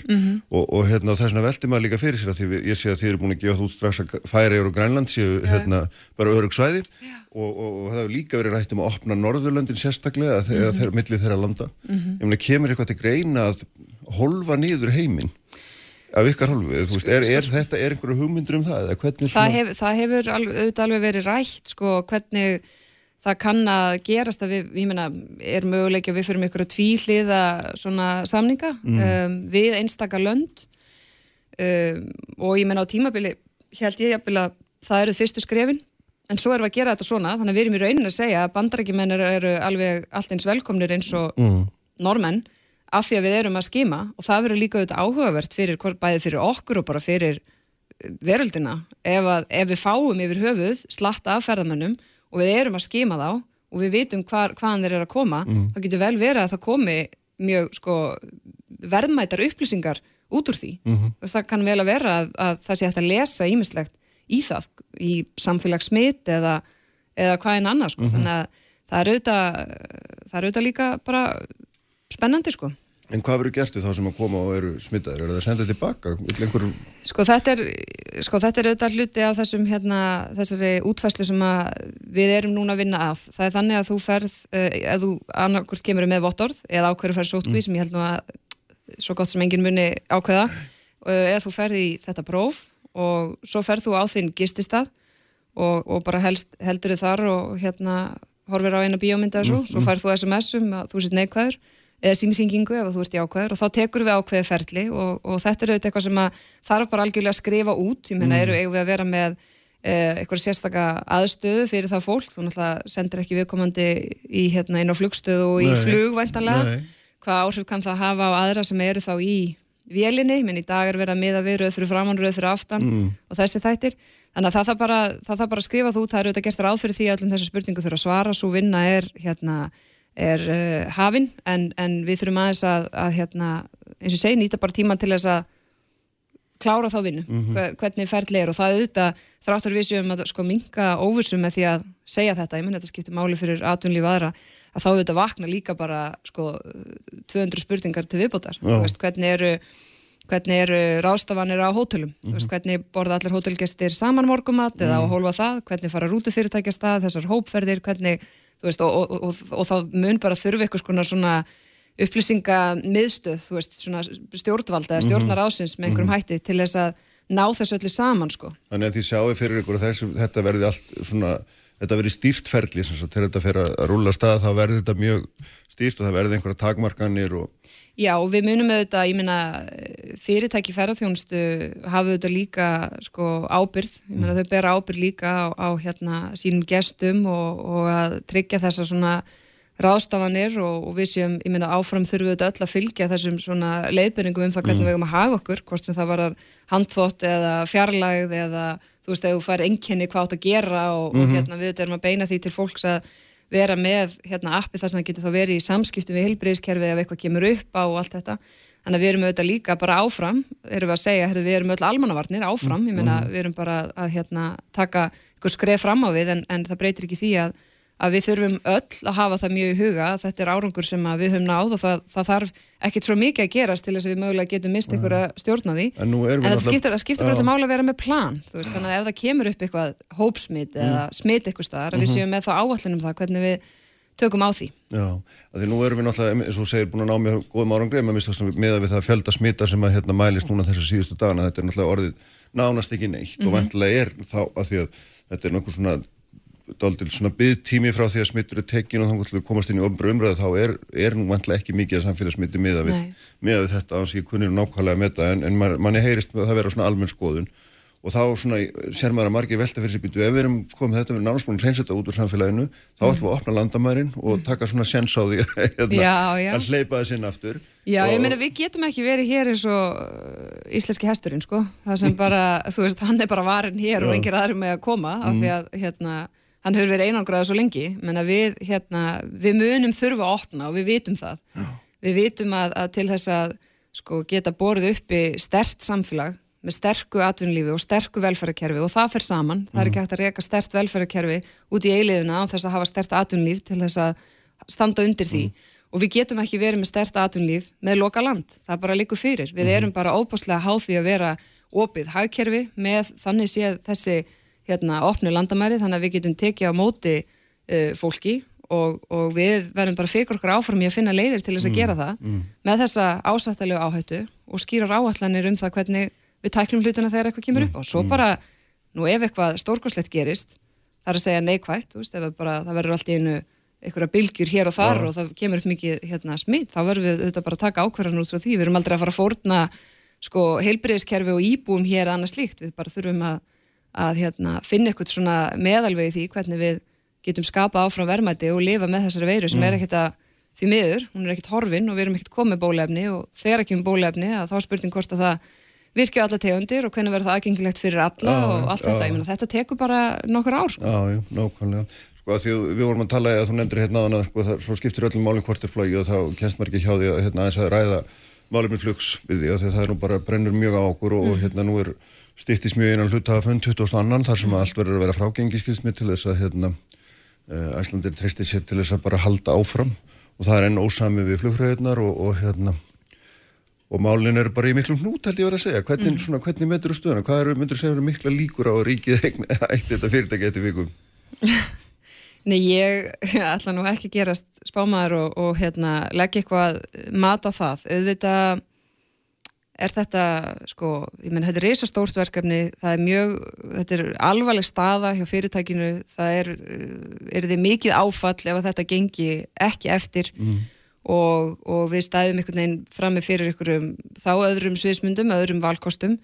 Um, það eru þetta bara ábyrðu hluti að, að hérna, reyna að sjá það fyrir hvað gerist þá, en, en það svona skref sem við höfum núna tekið er að gefa þessi, þessa línu mm. um að hérna sko, við vorum alveg skýr með það það þurfti að vera plan og nú er fyrirtæki með plan og er að vinna eftir því og maður óskar þeim bara góðs gengis með það og við hefum öll opaslega mikið undir að það gangi eftir mm. uh, og ef að það gerist þá eru við tilbúin þarna á hliðalínu að stíga inn með ákveðnum hætti nú ef að það gengur ekki eftir þá erum við bara komið með nýtt og starra verkefni mm. í fangið mm. og þurfum að finna út úr því vegna þess að við auðvitað eigum allt undir að hér séu sé, sko, traustar og tryggar samgöngur það er, sko, ég meina auðvitað geta alls konar flugfjölu flói til Íslands og hafa gert það sem betur fer og það hefur verið hérna, mikil umferð og, og, og tölver samkeppni. En það breytir ekki því að mörg þeirra flugfjöla eru auðvitað að fljúa vegna leiðakerfis æslandir, mm -hmm. vegna stöðunar sem að það, veist, það félag hefur hér og, og umsviðun að keflauguflugulli eru þetta bara að langmestu leiti vegna þess félags.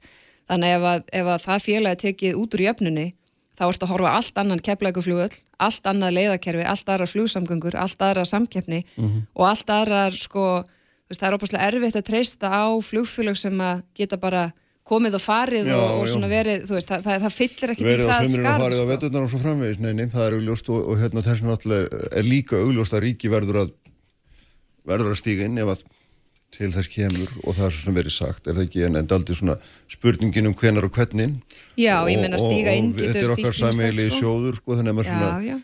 hérna uh, því meiri uppsingar því sannkjartana finnst manni Já, já. skattgreðendum ekki A, sant? a, bara algjörlega, það er auðvitað þannig og, og hérna, eins og ég segi sko, af hálfu ríkisins, þú hugsa bara út frá almannahag og skattgreðendum og það er ekki sem að standi hér sem einhver fjárfæstir að vega og metta, ég menna við erum bara að fara með fér sem að fólk á og leggur í sammeðlega sjóðu til þess að standa undir ákveðnu verkefnum. Þannig að það þurfa að vera algjörlega skýrt hvert þá hlutverk ríkisins er í slíkum aðstæðum. Hver er frum skilda okkar, hvað, hvað er það sem skiptur mestu máli þegar kemur á flugsamgöngum og eins og ég segi umsögum á keflækuflugli mm. ég meina ferðarþjónustan hangir auðvitað algjörlega á því að það sé yfir höfuð hingað flóið og það Já, sé já. gert hérna reglulega og mikið fyrir utan síðan aðrar útflutningsgreinar þannig að við þurfum bara að vera með hérna e, í rauninni svona skýra, skýra sína það hvað, hvað það er okkar mati sem þarf að gerast Mm. veist þannig að það að, að ríkisvaldi mögulega stýja inn með einhverjum hætti það getur auðvitað verið á, á margan hátt annan en að taka félagi í fangið sko. Já, en það er samt alveg ljóst að svona ef að hluthafarnir treysta sér ekki til þess og hluthafarnir er nú líka í eigu almen- almennings meirið að minna í hérna gegnum lífyrirsjóðu lífriðsjóðina þá hérna þá, þá hérna þá er bara eitt kostur eftir. Það er það sem við erum að horfa fram í á núna. Er það ekki, ég meina það er bara blasir alveg við. Og, og þarna og við erum með sko, þú veist síðan eru svo margvíslega skuldbindingar einnig svona sem maður fyrir að hugsa um eftir á að þú veist, lausafjárstaða flugfélags núna er keirð upp á því að borga ekki fólki tilbaka farmiða heldur að hérna, heldur að gefa þeim innegnar nótur sem að verða þá verðlausar og, og, þarna, og þannig að það er svo margt í þessu sem er svona snúið og, og maður myndi velja að ríki einhvern veginn skýra þess betur sínar hugmyndir um ætla ríki að taka yfir hérna, ferðapúntafólks og, þú veist bara svona sem dæmi skilur Já, já. að því að þannig eru sko hundruður af miljónum af verðmætum Mhm. sem annarkvort, ég meina, einhver þarf að borga þetta Já, já, uh, en eins og segið, þegar um er að ræða sko, bara, já, mikilvægasta fyrirtæki á landinu og það er skráðamarkað og það er með stjórn og stjórnendur og, og hérna hluthafa og, og lánadrottna og allt þetta, að þá, þá, er, þá þarf ríki líka og stjórnmálamenn að passa sig óbúðslega uh, hvaða skilabóð þau gefa út og hvað menn segja á hverjum tíma vegna þess að verkefni er klárlega bara hjá félaginu alveg þangað til alla leiðir eru þar tæmdar. Og það er ekki ennþá, menna þau eru með hérna sínar áallanir og, og, og vonandi gengur það eftir. Og ef að það síðan gengur ekki eftir þá bara verðum við að taka stöðuna frá með þeim tíma. Uh, en það er alveg rétt, ég meina það eru margar spurningar sem að vakna og það eru uh, mismunandi leiðir hvernig, hvernig hægt er að stíga inn í svona stöðu. En, en á, á meðan að verkefni er hjá þeim að þá finnst mér skipta máli að minnstakosti fyrir mig að hérna að segja minna heldur en meira uh, vegna þeirra stöði, menn þetta er bara mjög viðkomstað og flókin. Já, er nákvæmlega. Og eitt, eitt af því sem að er viðkamt í inn og flókið eru kjærasamningar sem að hérna, margir myndi segja að væru félaginu eða margir halda fram að séu félaginu mjög óhastæðir Mhm. og, hérna, og okkar sæmili sjóðu myndi þá þarf að taka yfir. Mhm. og það er hérna fyrir fjármálráð þannig að að við getum ekki tekið yfir fyrirtækinu með sér samkynnshaft Mhm. Og hvað þýðir það þá í raun og vera skilur Já, ég meina uh, þetta eru þetta flugfélag sem að í ímsum samanbörði er með uh, háan kostnað, það liggur alveg fyrir. En, en hérna við eigum nú í, í nægum sko það er nógu stórt verkefni að, að hérna reyna að hafa einhverju áhrif á bara vinnumarkasmódel á Íslandi. Mm. Þannig að ég ætla nú ekki á þessum tímpóntu að fara að stíga inn í einstakar kjara viðraður fyrirtækja, að og, nei, ég ætla nú ekki að gera það sko. Nei, nei, en það en það er náttúrulega eitt af því sem er, er hérna svona blasir við að þarf að, þarf að klára og mér skilst að séu nú og hérna óformlegi fundir í, í gangi núna.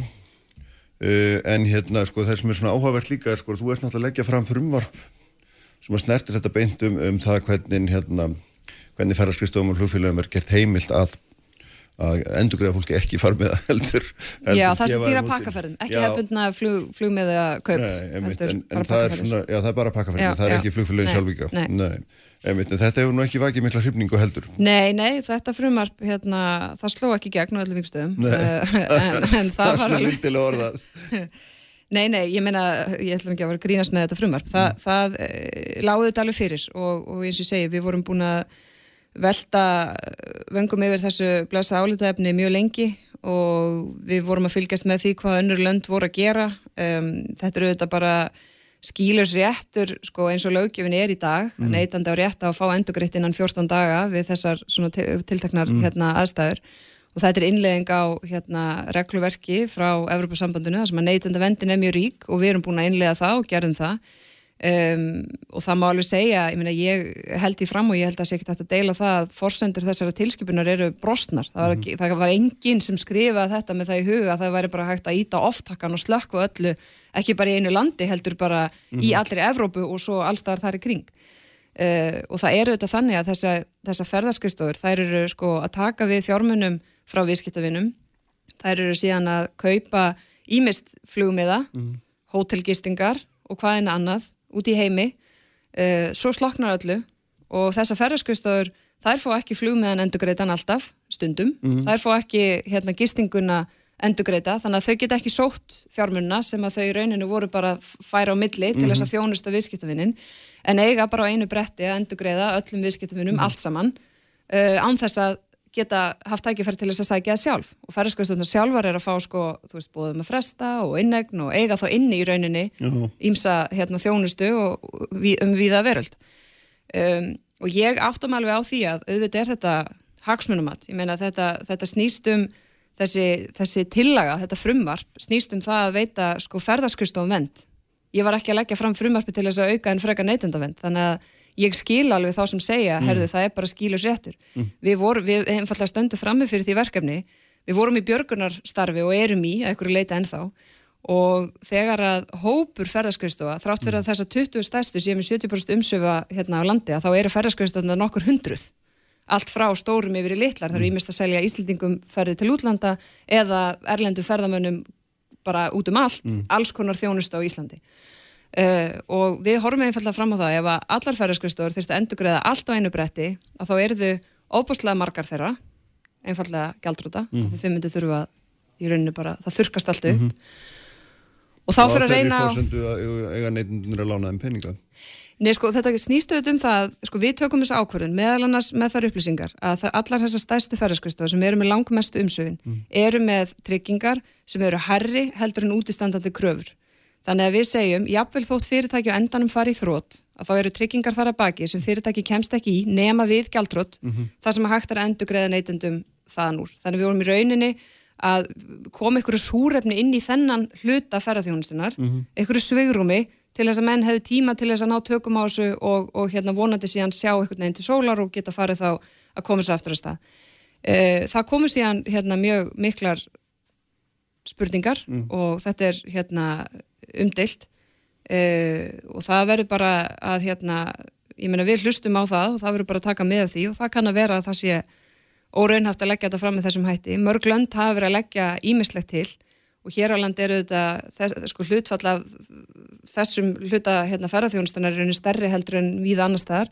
Það er mikið talað um að við höfum brátt að gera eins og Danir, en við getum ekki gert eins og Danir vegna þess að Danir eru með eitt sameilan sjóð sem að öll þessi fyrirtæki greiða í Já. og ríki veitti síðan ákveðna ríkisábyrð á þann sjóð, en við erum ekki með eitt sameilan sjóð sem öll fyrirtækin greiði í, heldur hvert og eitt fyrirtæki með sína trygginga fjárhæð bundna. Þannig við getum ekki gert eins og Danir, bara þannig að það sé alveg skýrt. Um, auðvitað hérna, kom til álita að bara veita ríkisábyrð á allt saman, en við erum ekki að leggja það til. Ef við hefum gert það, þá hefðu margar spurningar sem að hér eru að vakna, þá hefðu þær bara í rauninni ekkit, ekkit verið svo hérna, relevant, þær eru ekki endilega komið til tals, þannig að, þannig að við erum bara áfram að, að uh, vinna þessu og ég áttum með því að, að þessi óvisa er óþægileg, bæði fyrir eh, neytendur og fólk sem á inni kröfur og sömu leiðis fyrir fyrirtækin þannig að það er bara verkefnið að fara að hérna, svara því og meta hvað er raunhaft að, að leggja til þess aðstæður. Í mildtíðin eru þetta önnur úræði líka sem hafa komið fyrir þessi fyrirtæki en það er ekki þannig að þau geti nýtt stuðnislán til þess að endur greiða þessa kröfur, nei, það er ekki hægt, það nei, er bara fyrir raksturinn. En þess að kom til greina að, að, hérna, að veita ríkisábyrðir. Já, önnur af lönd hafa hérna sum hver mm. farið í slíkar æfingar með ýmsum hætti. Það eru, það eru mismunandi leiðir að þessu og, og hérna en við erum ekki eh, að leggja það til. En við vorum einfallega að, að reyna að veita ferðarskvist og venn til þess að koma í veg fyrir fjölda gjaldrótt sem að á endanum eru þetta heldur ekkit hérna bara okkur til, veist, það skiptir líka máli, ég meina, það eru líka ákveðin verðmætti því að reyna, reyna að koma í veg fyrir það. Já, já. en ég, hérna, ég heyri alveg hvað fólk er að segja og við þurfum bara að kanna það eru eitthvað aðra leiði færar heldur en þessa, eitthvað allt annað. En allavega frumvarpið líku fyrir og það verður rætt eins og það er. Já, Já. Og hérna. sjáum við bara til Sjáum við bara til, það er eins og gengur. Takk fyrir að koma, gaman að fá þig. Takk. Og hérna, ég ætla að ræða við Jón Ólafsson, prófessor hérna eftir augnablik. Sprengisandur. Alla sunnudaga á bylgjunni. Fréttir, fróðleikur og frábær tónlist. Bylgjan, Sprengisandur, alla sunnudaga á bylgjunni. Sælir hlustendur eftir, uh, þá er hún farin frá mér um Þórdís Kolbrún, ráð þeirra ferðamála, innaðar og nýsköpunar, vorum náttúrulega langmest að tala hér um ferðamálinu þetta og engungu kannski, uh, en það er svo sem ekki óeðlilegt og, og fjalla hér um svona þessa opnun sem verður á Íslandi svona smátt og smátt á næstu, næstu vikum og mánuðum og, og svo þetta um stöðum stöðu á Íslandir sem að hérna er nú, nú afskaplega brínt að fara að komast í bossi. Eh, en ég ætla svo sem að skipta alveg um gýr, eða svona, já, að mestu, Jón Ólarsson, professor, eh, sestur hérna hjá mér, velkomin. Takk. Sko, við ætlum að, eh, hérna, eh, það það er alltaf uh, fróðulegt að fá því til þess aðeins að, hérna, sem er slett ennsku pick your brain, eins og það stendur. Og hérna, að því að það er svona mjög, það er, við lifum á tímum þar sem er, hérna, lifum á tímum þar sem er, er svona, þar sem að verið er að beita oft valdir til þess að taka eitthvað af borgurum sem okkur finnst svona í svona hérna skringilega ástand allt í lægi en værum aldrei til í að samþykja undir venjulegum kringustæðum ekki satt? Og hérna og þú skrifur mjög hérna vel um þetta finnst mér hérna þú ert að fjalla meðal um hvernig við framsöljum vald til sóttvarnar yfirvalda og hérna sem er mjög svona fróðleg pæling en svo erum við líka í í einhvers konar upplýsinga svona stríði miðjur sko við hérna og svona, já, það sem er verið að tóka í okkur öllum áttum við, við, erum að samþykja lögum uppljóstrana en við erum líka að koma að fót nefndum sem á að fjalla um einhverja upplýsinga óreið og einhvern megin að finna sannleikan, ég veit það ekki. Þú veist, ég hendi þessu bara á því svona í Já, ég, ég meina að þú veit svona kannski að vísa til bara þessara svona mótsagnakjöndu stöðu Já, já. Að, að, að, að það þarf einhvern veginn á sama tíma og, og, og það er gríðarlega pressa að auka aðgengi að upplýsingum Já. mjög mikil pressa hefur verið nokkur ára þá er líka einhvers konar tilfinning um það að það þurfi að stýra upplýsingum betur. Já, og mér finnst nú þetta hugtak upplýsinga óreiða mér finnst það svona daldið, daldið svona írónist sko, daldið út í hött vegna þess að, að sjálft hugtaki það svona hljómar pínlítið eins og það sé hægt að hugsa sér einhvern yfirvaldi yfir upplýsingum sem að klárlega er ekki til og, eða áhelst ekki vera til. Nei, nei, nei. við höfum ekkert upplýsingaráðuneyti Nei, hérna skil ekki 1984 eða eitthvað svoleiðis eða sannlegsráðuneyti hérna nú víst. Já, en, en hérna þannig að sko ég, ég- held að þetta vandamál sko með sem sagt uh, hvað að segja, falsfréttir og, og hérna rángar upplýsingar á netinu eru þetta búið að eða sem sagt á félagsmiðlum fyrst og fremst, eru þetta búið að vera svona mjög stórt kannski sérstaklega í svona menna, pólitísku samhengi. Evrópusambandi hefur verið með mjög mikla ráðstafanir. Það eru, það eru sko stopnanir uh, með fjölda starfsfólks sem að, nú þegar starfandi sem að hafa beinleginst að hlutverk að leiðrétta rángar upplýsingar. Og, og það var nú, nú sjálfur státtakandi í málþingi hérna fyrir kannski 2-3 árum sem að var svona með sendi herra Európsamtins tók þáttið og mannum mitt eftir þessari umræðu og þá var, voru einhverjir sem að sögðu býðum við sko snýst þetta ekki um læsi? Snýst þetta ekki fyrst og fremst um mentun og læsi? Snýst þetta ekki um að einstaklingar séu sem færastir um að meta sjálfur hvað er rétt og hvað er ránt og svo framvegis og svarið sem að þá kom frá hinum sem að töldu að vandamáli væri svo brínt að við höfum ekki tíma til þess. Mhm. svona, þegar til lengri tími er litið þá þurfa, þurfa mentafólk við höfum ekki tíma til þess og við þurfum að bregðast þess strax. Aha.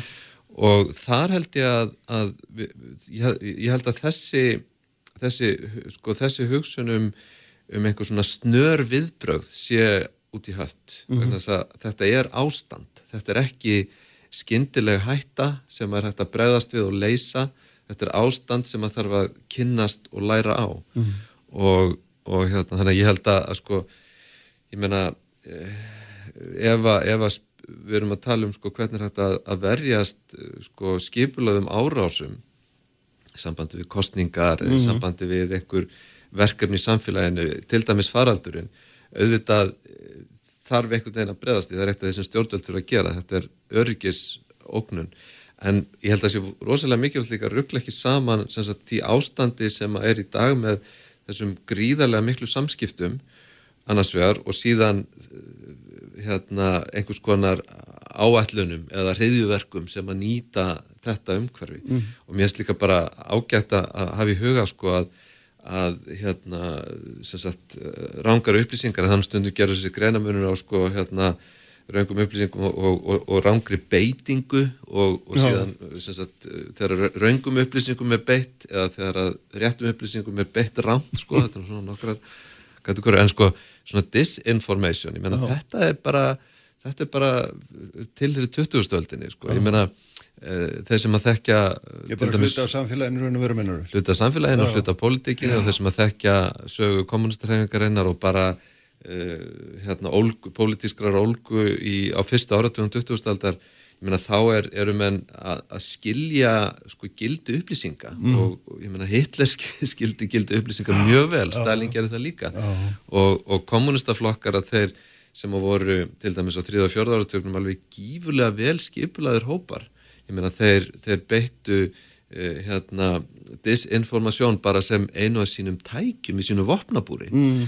Og, og ég meina á, á, í kaldastriðinu þá eru báðar leinithjónusturnar og kannski sérstaklega KGB sem að voru með markvissar aðgerði til að koma raungum fréttum í umferð uh, skipuleggja hérna, alls konar herrferðir þar sem að þar að grafa undan uh, hérna, trúfóls á sig eigin stjórnvöld og Mm. svoleiðis. Þetta er ekkert nýtt. Það sem er nýtt í þessu er kannski tvent, annars vegar hvað uh, árangurinn er miklu meiri heldur en var á sínu tíma raunverulega, Mm. að því að fjölmiðlar eru svo mikið út um allt þetta er svo, þetta er svo gríðarlega stór hluti af lífi allra þessi, og síðan bara sagt félagsmiðlarnir Mm. sem að, þannig að þannig ég held að, að sko menna, við, við getum ekki brugðist við ástandi eins og það sé uh, svona konkrétt ógnun Nei.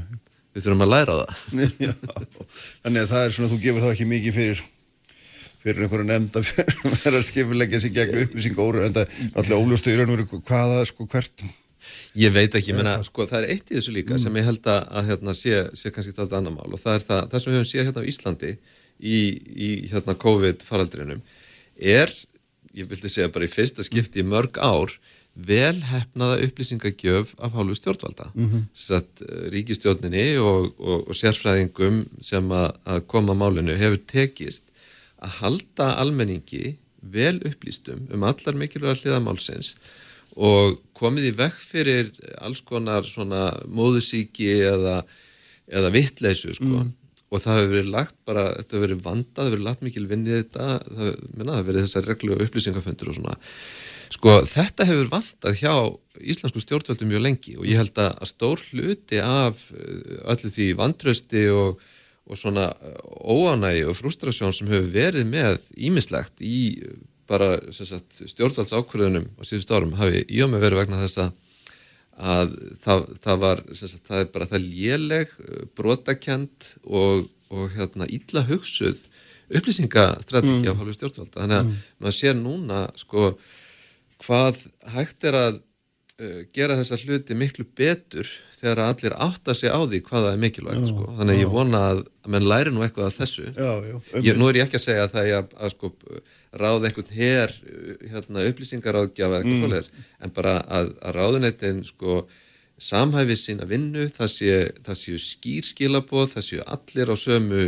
hérna, blaðsíðu með það uh, meni, þetta breytir ofsalega miklu um stemninguna í samfélaginu Já, já, það gerir það auðvitað og síðan náttúrulega sem að hérna, skiptir sjálfsagt hvað mestu máli er líka hverju talsmuninir eru, ekki satt? Ef Jú, þeir eru óumdeildir þá, þá hérna, þeim eru svona skarpari verða skilabóðin gerir það fyrir. klárlega, það er náttúrulega að, að, að það hefur alveg tekist að, að halda þessum svona trúverðuleika sérfræðingana og ég held að því að þú ert að hugsa um líka þessa, þessa nefnd sko, ég meina ég held að sé ég meina það er ekkert, það er alveg rétt að það þarf einhvern veginn að hugsa um uh, upplýsingaógnir sem öryggismál. Já. það er alveg klart mál. En, en bara ef menn fall ekki þó grifju að halda þeir geti sko hérna lagað ástand sem er svo miklu, miklu viðtækara heldur en einhverjar einstakar ógnir. Já, já, en það er svona, ég veit ekki, ef ma- ef maður hugsa um upplýsingar sem öryggismála þá er það kannski svona eitthvað sem frekka er unn, unnið bak við tjöldrin ekki einhverjum svona ofnbærum hópi, ég veit ekki,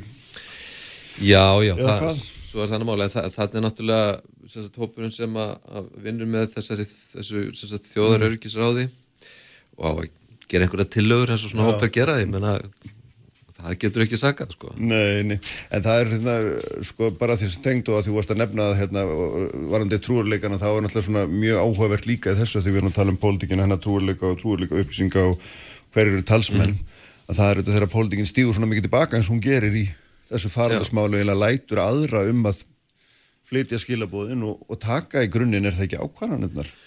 Já, það, það, stórum hluta, það er góð spurning. Ég er mitt, þegar ég fór að lesa sótarnarlögina þá er mitt, gerði ég mig grein fyrir því hvernig, hvernig þarna valdi færist aldrei til. En, en sko ég held að eh, um allan heima þá erum við náttúrulega að sjá alveg ótrúlega sko hérna mögnuð dæmi um það hvernig stjórnvöldum tekst og mistekst að sagt, feta þessa línu á milli þess að, að sagt, gefa sérfræðingum, sérfræðingunum bara völdin sem er ekki góð strategía eða vera í sko, vörn gagvart þeim sem er ennþá verri strategía að finna semst leiðina það sem að, það sem að þeim tekst að uh, hafa sérfræðingarna sínilega uh, láta að minnstakosti líta út fyrir það að það sé allt í góðu samkomulagi og allt vel rætt uh, milli sérfræðingarna og stjórnvalda og, og svo framvegi sko. Og þetta hefur gengið vel hér. Og kannski líka bara ég með vegna þess að, að það vil svo heppilega til að það er svona tiltölulega hérna, tiltölulega vinsamlegt og sympatist fólk sem er í þessum embættum og eitthvað svona sko. Já. ég meina, einhver annar einstaklingur í, í embætti sótarnarlegnis og allt þeir geta farið vitlis, ég meina það eru svona tilvíljanir Já, sem já. að geta haft áhrif líka. Þannig að ég held að að hérna svona þessi sko uh, það, meina, þessi hins vegar þetta að gefa valdi sérfræðinga er ofbóðslega uh, hérna erfiður hlutur en þess að s- sko sérfræðingurinn hann, hann er í eðlisinu þröngsýn hann sér hlutina út frá sinni sérfræðingur, já, já, já, þannig að sem nú er ég ekki að tala um, um okkar en sérstakann, sem fær það hlutverk að taka ákvarðanir hann mun bara taka ákvarðanir út frá ákveðnum markmiðum sem að eðlilegt er að sóttvarnarlagnir setji Já. það geta bara verið allt önnur markmið heldur en eðlilegt er fyrir allt samfélagið séu sett og ég meina hérna það sem við höfum verið að horfa á er, er náttúrulega þessi svona þessi línudans líka á milli þess að, að tala um að markmiðið sé að bjarga sem allra flestum mannslífum mm. eða að markmiðið sé að, að sagt, vernda kerfin, sjá til þess að þau springi ekki og náttúrulega hérna á Íslandi hefur það tekist að, að það hefur, eh, ef ég skil það rétt, það hefur aldrei farið einu svona nálætti að kerfin væri að springa það hefur verið tiltölulega rúmt og, og einhver geti sagt, þú veist, við hefðum geta farið lengra í hináttina sko. Já, já. en ég meina þarna, þarna er hérna þetta er uh, bara jafnvægiskunst og, og hérna og, og ég held að sko það er auðvelt, ég held að við sjáum það eins í bandaríkjónu núna sko, að þar er þar, þar, þar þarf stjórnvöld þurfa að grípa til hræðslu áróðust til þess að fá fólk til að vera heima mm. það er ekki það er ekki nægilegt að, að segja þið verður að vera heima til þess að vernda samfélagið, alltaf verður að segja fólk verði heima annars segið og hættu að smittast og deyja. Já.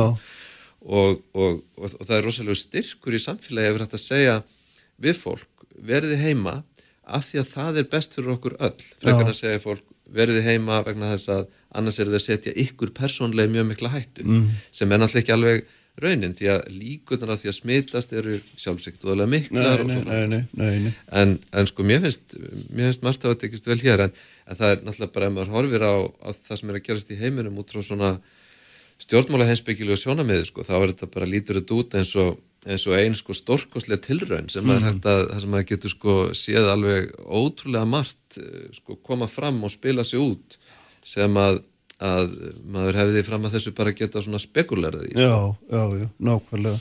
En það er náttúrulega einhverjum tímapunkti sko það sem er svona áhugavert í sambandi við þessa valdatilfærslu er og sem að kannski vera, reyna að ræða hérna við ráðhran aðan líka er, og, og rætti við hana er, er að á einhverjum tímapunkti verður náttúrulega stjórnmálin að taka einhverja ákvörðun. Hún getur, þau getur ekki bara látið stjórnast að þessu þrönga sjónamið sem fer alltaf í eina átt og einhver tíman á endanum segja verður með að segja að nú erum við ofmargir í ofandri stöðu til þess að við getum látið hérna sjúkdóminn stýra og þetta hlýtur að svona eftir því sem að sem að kreppan dýkkar og óanæðin hlýtur að magnast að þá, þá þurfa stjórnmálumennir einhvern veginn á einhvern tímpúnt að taka völdin af Já, já, og ég, mena, ég myndi segja uh, það, það skiptir máli líðræðislega að, að sko, stjórnmálinn hafi alltaf völdin sko, Já. í rauninni, það sé alveg á hreinu.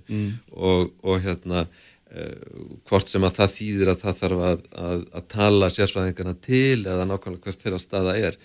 Og, og, og ég held að, að hérna Eh, menna þeirra eins og, eins og var verið að tala, þið voruð að tala um hérna áðan sko, ég menna það eru uh, sagt, hvert skref núna er einhvers konar tilraun það þarf alltaf að vera að meta hérna, afleðingarnar af, af því og, og, og ég menna þar geta menn freistast til að, að fara að, að verja eitthvað sem að er ekki verjanlegt eða og, en, en sko af því að, að þessar upplýsingar hér hafa verið veittar tildulega vel og það er svona góð stemning í samfélaginu þá heldur líka að stjórnvöld hafi miklu meira svigrum heldur en það höfðu annars. -hmm.